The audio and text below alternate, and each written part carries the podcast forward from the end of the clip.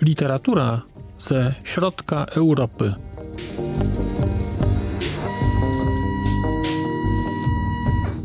Podcast około książkowy. Znak litera człowiek.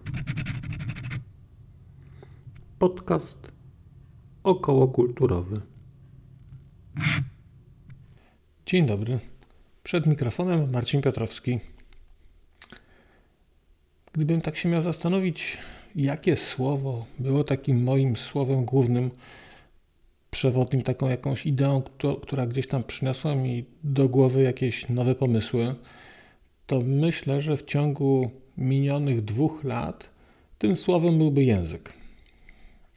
Odkrycie czy zrozumienie przeze mnie istotności języka, mowy y, i jego późniejsze przełożenie na pismo, na ideę znaku y, było dla mnie bardzo istotne.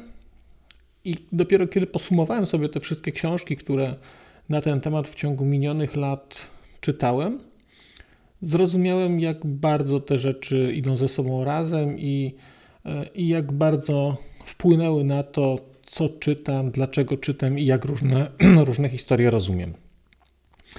I dlatego dzisiaj chciałem opowiedzieć o książce Martina Kuchenburga Pierwsze słowo. Książce, którą e, całkiem niedawno kupiłem, którą całkiem niedawno przeczytałem i która jest czymś zupełnie innym niż sądziłem, że kupuję, a która jest rzeczą bardzo, bardzo wartościową i, e, i po prostu chciałem mm, jakąś refleksją na temat tej książki się podzielić.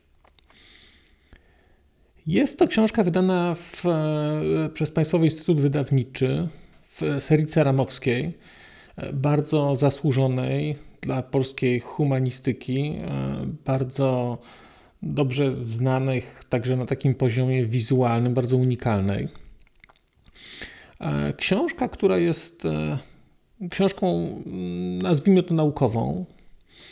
Mówię nazwijmy to, bo, bo to jest książka, która jest rzeczywiście naukowa, bo Kuchenburg jest, e, jest z zawodu naukowcem, natomiast nie jest naukowa, czy nie jest jakaś nadmiernie akademicka w takim sensie, w jakim można by się było obawiać, jeżeli się jeżeli, jeżeli gdzieś tam się obawiacie Państwo książek tak zwanych naukowych. E, jest to książka, którą kiedy kupowałem i kiedy patrzyłem sobie na, na okładkę, mm, wszak mówi się nie sądź książki po okładce, ja tak właśnie zrobiłem. Mm, więc to jest książka, która, którą kupowałem, mając nadzieję, że dowiem się czegoś nowego o piśmie, o druku. No bardziej o piśmie, może nie o druku ale że będę, że, że ona gdzieś mnie tam zabierze w, w początki, początki przekazywania wiedzy za pomocą jakiejś technologii, jakiejś techniki. Kiedy zacząłem sobie tę książkę czytać, to się, nie ukrywam, rozczarowałem na początku, dlatego że czytałem i czytałem i czytałem i cały czas nie mogłem dotrzeć do tego, do czego chciałem dotrzeć, co, za, co założyłem sobie, że będzie w tej książce, czego tam ewidentnie nie było, przynajmniej na początku. E, I jak mówię, trudno mi było jasno powiedzieć, co miało być tą rzeczą. Nie wiedziałem. E, gdzieś liczyłem na jakąś historię o, o piśmie klinowym, gdzieś liczyłem na jakąś historię o, o, o pisaniu na papirusie. Natomiast no to, co dostałem na początku, było czymś innym. Cóż dostałem na początku? Na początku było słowo, oczywiście, ale w tej książce na początku są rozważania. Trudno zresztą mówić o początku w tej książce. Ona jest tak spójna całościowo pod względem narracji, pod względem historii, którą prezentuje, pod, e, pod względem e, sposobu formułowania wniosków. Mm, dawno nie czytałem czegoś takiego, co byłoby tak skondensowane, a jednocześnie tak bardzo, mm, tak bardzo logicznie poukładane i w taki piękny sposób spójne. logicznie. Więc ta książka zaczyna się trochę od, od pokazania stanu wiedzy wokół stanu wiedzy na temat języka i mowy, tego dlaczego mówimy, dlaczego się komunikujemy, czym różni się komunikacja ludzi od komunikacji zwierząt, dlaczego można mówić, że my mówimy, ale zwierzęta się tylko komunikują. Ona pokazuje, mówi o tym, w jaki sposób przekazujemy wiedzę, w jaki sposób uczymy się mówić pokazuje uwarunkowania fizyczne języka, sposobu, dla którego mówimy, czy powodów, dla których my jesteśmy w stanie mówić, a na przykład szympanse, nawet szkolone, posługujące się jakąś formą języka, nie są w stanie, nie są w stanie mówić tak jak, tak, jak my mówimy. I to jest punkt wyjścia tej książki. Tych teorii jest kilka. Ja przyznam, że nie śledziłem ich. Trudno powiedzieć, że śledziłem ich, nie znałem po prostu. Albo jeżeli się gdzieś pojawiały w książkach, które czytałem, to to były, to, to były jakieś pojedyncze rzeczy. Tutaj dostaję te rzeczy poukładane razem w jedną spójną historię. I to jest, to, to już był zaczątek, taki po chwili już się zorientowałem, czym jest ta książka, i po prostu zacząłem sobie czerpać z niej po prostu przyjemność odkrywania nowych rzeczy. Bardzo unikalną rzeczą w tej książce jest e, próba pokazania pochodzenia mowy. To pierwsze słowo tutaj to nie jest pierwsze słowo napisane. To pierwsze słowo z tytułu to jest pierwsze słowo wypowiedziane. I w tym kontekście to jest dla mnie ta książka była chyba największym, największym e, odkryciem takim, e, czyli próbą zabrania nas w przeszłość i zastanowienia się, jak stało się, że jako gatunek ludzki mówimy, jak stało się to, że, e, że, że w ogóle posługujemy się mową, kiedy się to zaczęło nie jestem w stanie odpowiedzieć, na ile sama, same teorie, czy, czy sam, na ile istotny jest tutaj wkład samego Martina Kuchenburga, dlatego że on pokazuje, on omawia wiele teorii, pokazuje rozwój różnych, e, różnych idei, które, które gdzieś tam e, pojawiły się w, jak, jako prądy intelektualne, jakieś, jako jakieś teorie naukowe związane z, z mową.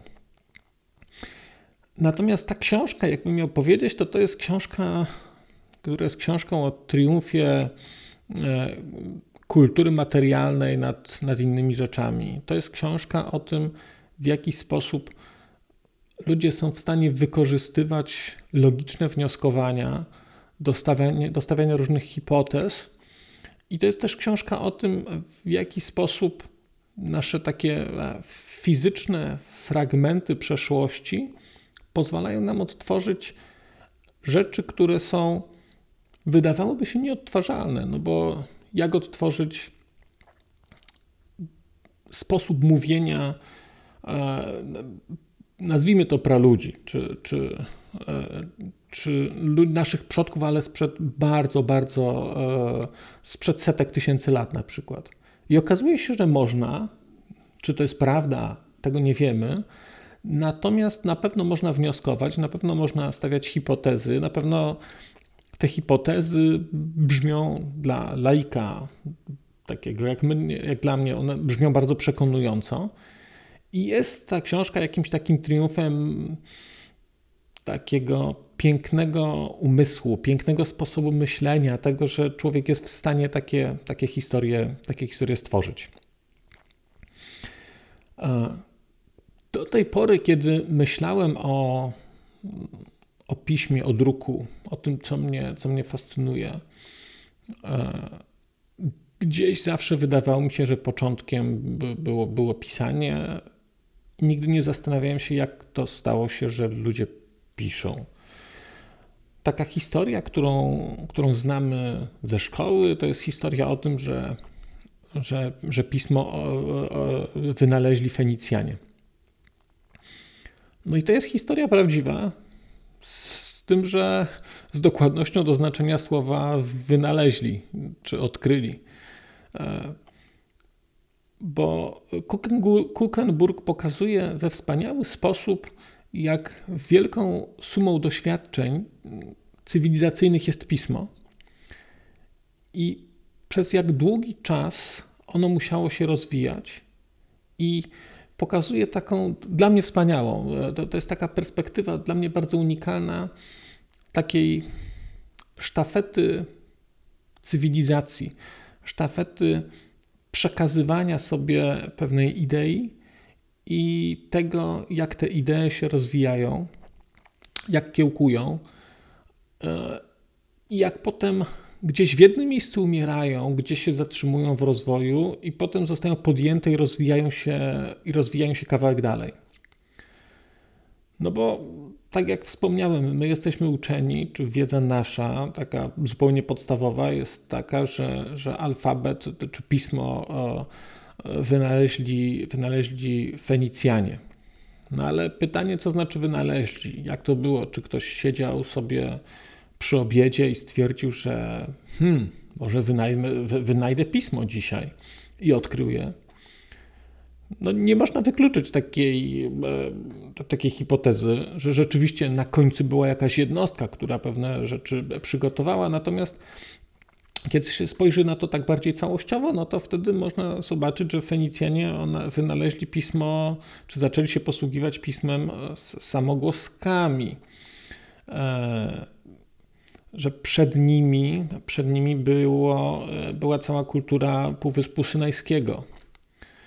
Z kolei ona jest zainspirowana mocno i ona rozwija wątki, e, wątki egipskie.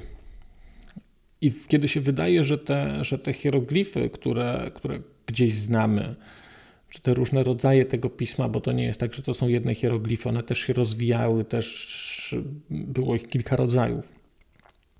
I kiedy się już wydaje, że, że, że, że gdzieś tam oczywiście coś stworzyli Egipcjanie, to potem okazuje się, że Egipcjanie też e, w jakiś sposób mocno inspirowali się albo rozwijali pewne wątki, które pojawiały się, pojawiły się w Mezopotamii. To słynne pismo klinowe. A potem się okazuje, że to pismo klinowe też miało początek i też nie było jakimś odkryciem, takim, które pojawiło się nagle, bo ktoś wstał i stwierdził, że jednak dzisiaj to zrobi. Ono też było wynikiem czegoś. A na końcu, kiedy się gdzieś odkrywa i cofa się coraz bardziej wstecz, to widać tę transmisję e, od kultur jeszcze wcześniejszych. Takim bardzo interesującym wątkiem, który się gdzieś w tej książce pojawia, jest to, że e, jest powód, dla którego ludzie pisan, pisali. I tutaj w tym kontekście bardzo ciekawe jest pokazanie sposobów, nazwijmy to notacji, czy sposobów prowadzenia jakiejś takiej, mm, powiedzmy, buchalterii na poziomie struktur państwowych, nawet jeżeli te struktury państwowe były, były małe. Ta książka opowiada dosyć szczegółowo o takiej idei, czy, czy o takim pojęciu liczmanów, czyli takich, można byłoby powiedzieć, hmm, jak to dobrze ująć, fizycznych rzeczy, będących namiastkami czegoś prawdziwego, które dają radę prowadzić jakiś rodzaj takiej całościowej księgowości. Nigdy się, nie wiem, czy Państwo się zastanawiali, ja się okazało, ja nigdy nie zastanawiałem się nad tym, skąd król wiedział, ilu ma poddanych i w jakim wieku, i jaką armię jest w stanie na przykład wystawić. Wydawało mi się, że nie wiem, jakaś ta wiedza była, nie wiadomo skąd, albo była wiedzą, nazwijmy to w cudzysłowie, na oko.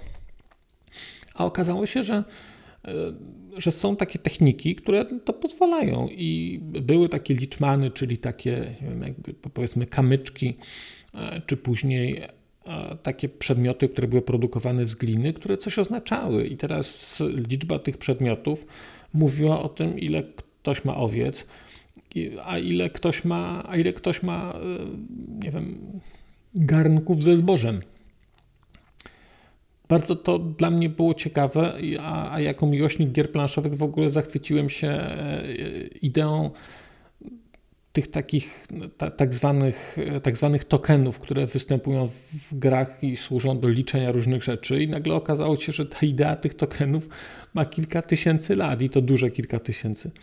To, to absolutnie fascynujące dowiedzieć się, że nawet w takiej w sumie drobnej sprawie, którą się gdzieś tam człowiek posługuje, dziedziczy się e, taką tradycję ogromną, która jest gdzieś z tyłu.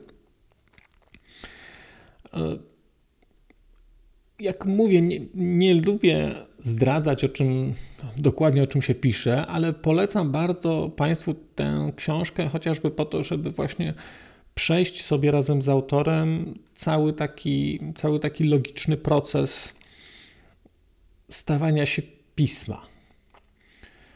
Ale przed tym logicznym procesem stawania się pisma, ta książka opisuje, czy stawia hipotezy dotyczące procesu stawania się mowy dotyczące tego, jak stało się, że jako ludzie mówimy.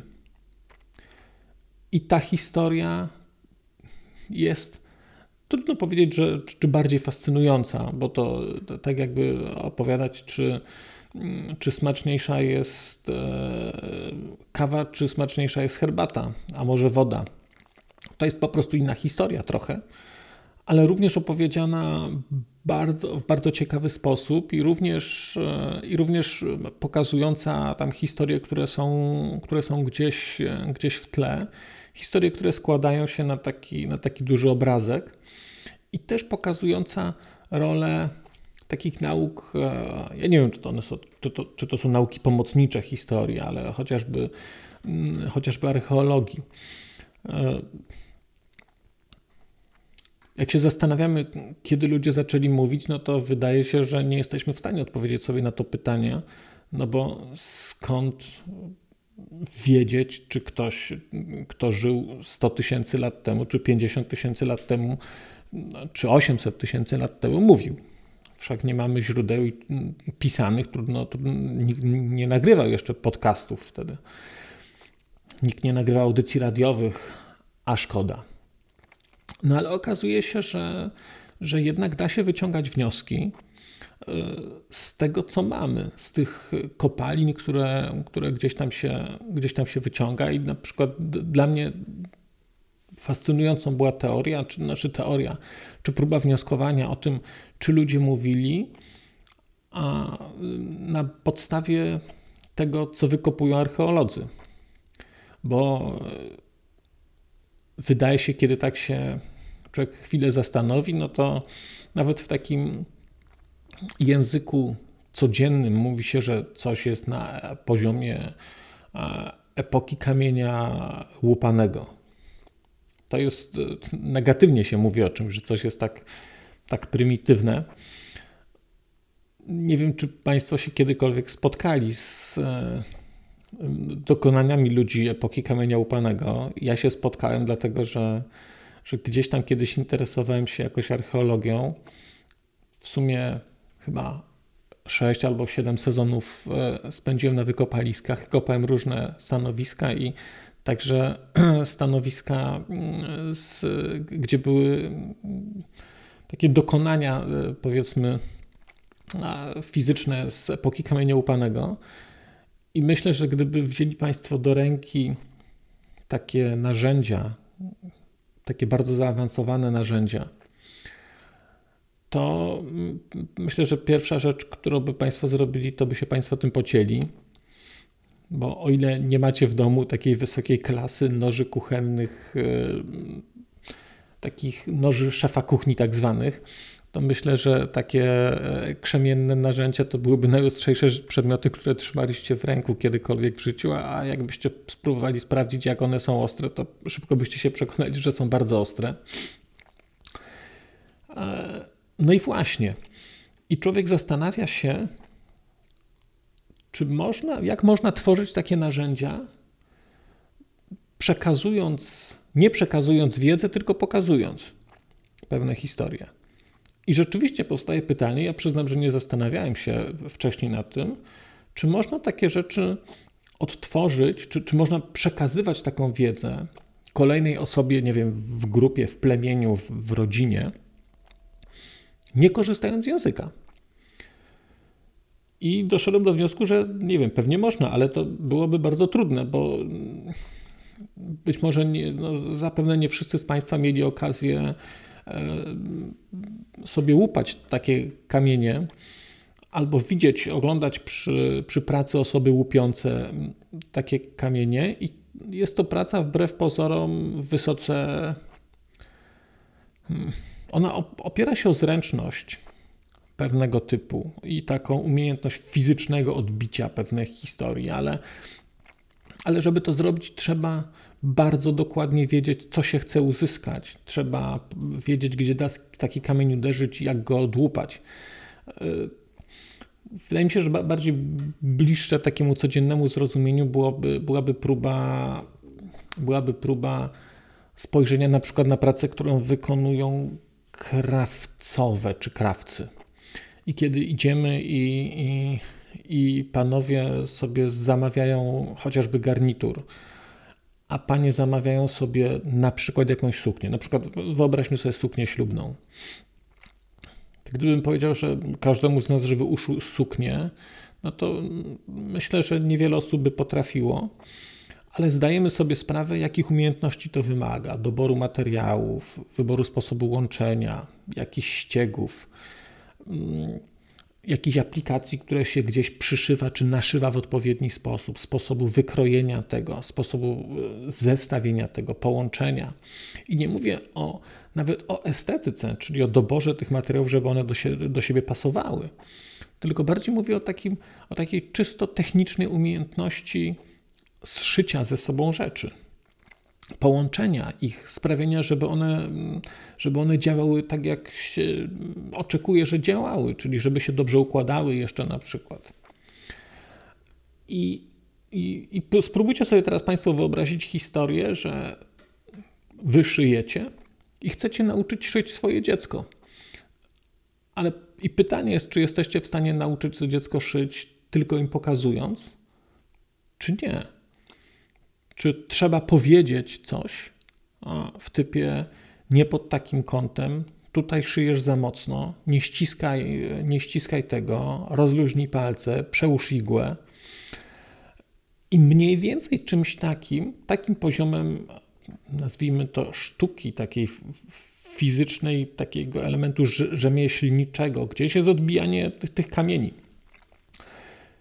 I to jest pytanie, no to, to jest jedno z pytań, na które, e, czy, czy jedno, jedno z, jedna z odpowiedzi, która tutaj się w tej książce pojawia wokół idei powstania mowy. Kiedy ludzie zaczęli? Kiedy mówili, czy są, czy są ślady, że, że mówili? Bardzo też dla mnie takim interesującym mm, elementem tej książki jest e, próba spojrzenia na fizyczny aparat mowy i nie ten, który, który my znamy, e, czy tam język krtania i to gdzieś, co, czego uczymy się, czy uczyliśmy się na lekcjach języka polskiego, tylko od strony takiej czysto biologicznej e, ułożenia, nie wiem, twarzoczaszki u ludzi czy u innych naczelnych. Tego, co oznacza, dla, dlaczego jesteśmy w stanie mm, jeść czy oddychać jak wygląda to u innych, e, u innych zwierząt, u innych e, człowiekokształtnych. Kiedy to się, kiedy to się zdarzyło? Czy, e, czy nasi przodkowie w którym momencie fizycznie byli w stanie wydawać dźwięki? Jakie dźwięki? Fizycznie w którym momencie byli w stanie formułować coś, co brzmiałoby jak mowa, i co byłoby czymś więcej niż komunikaty, które, które przekazują sobie zwierzęta. No i tutaj jest pytanie, czy w ogóle do jakiego stopnia zwierzęta się komunikują. Mm, ja byłem, przyznam, bardzo zaskoczony e, tymi historiami, które tutaj się pojawiają o małpach i o tym, w jaki sposób małpy przekazują pewną wiedzę swoim, swojemu potomstwu i pewną wiedzę, to taka wiedza, która jest kontekstowa, czyli e, no, no, taki ciekawy dla mnie bardzo wątek, że taka, że taka małpa potrafi chociażby poinformować inne małpy o tym, że gdzieś są węże, a gdzieś są, a gdzieś są drapieżniki na drzewie i że to są różne sygnały. I co więcej, one czasami te sygnały będą, a czasami tych sygnałów nie będzie, bo, bo inny będzie sygnał na to, że takich zwierząt jest dużo, a innych, jeżeli to będzie pojedyncze takie zwierzę, mm, które, które gdzieś tam zostanie dostrzeżone. Fascynująca historia. Fascynująca historia, podobnie jak fascynująca historia związana z tym, z takim nawet genetycznym uwarunkowaniem procesu mówienia. Tutaj też jest na ten temat mowa w tej książce na temat poszukiwania genu, który odpowiada za to, że jesteśmy w stanie mówić, e, na temat poszukiwania ośrodka mowy w mózgu.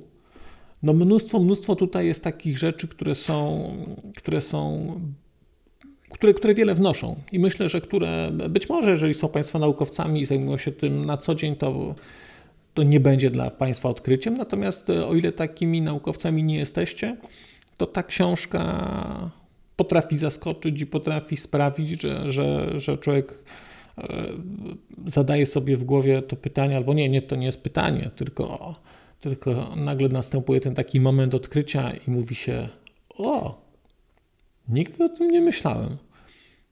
A to ciekawe w sumie. No więc tutaj jest mnóstwo takich rzeczy w tej książce, bo ta książka jest ciekawa i ta książka jest, powiedziałbym, więcej. Ona dla mnie była, finalnie była fascynująca i tak bardzo, naprawdę tak bardzo żałowałem, że się skończyła. No bardzo. Z drugiej strony pomyślałem sobie, no okej, okay, skończyła się, ale ona się kończy w jakimś momencie takim, że teraz znajdę inne książki, które podejmują wątki, które w niej są, bo ona gdzieś tu się kończy już na poziomie na poziomie pisma i na poziomie, no może nie druku jeszcze, ale, ale przekazywania mowy, powstania liter alfabetu, no okej, okay, to mam już książki, które, które o tym mówią, ale teraz będę na nie patrzył w trochę innym kontekście, w, w kontekście trochę szerszym, w kontekście tej takiej sztafety kulturowej, o którym mówiłem, w kontekście przekazywania pewnych rzeczy, połączenia.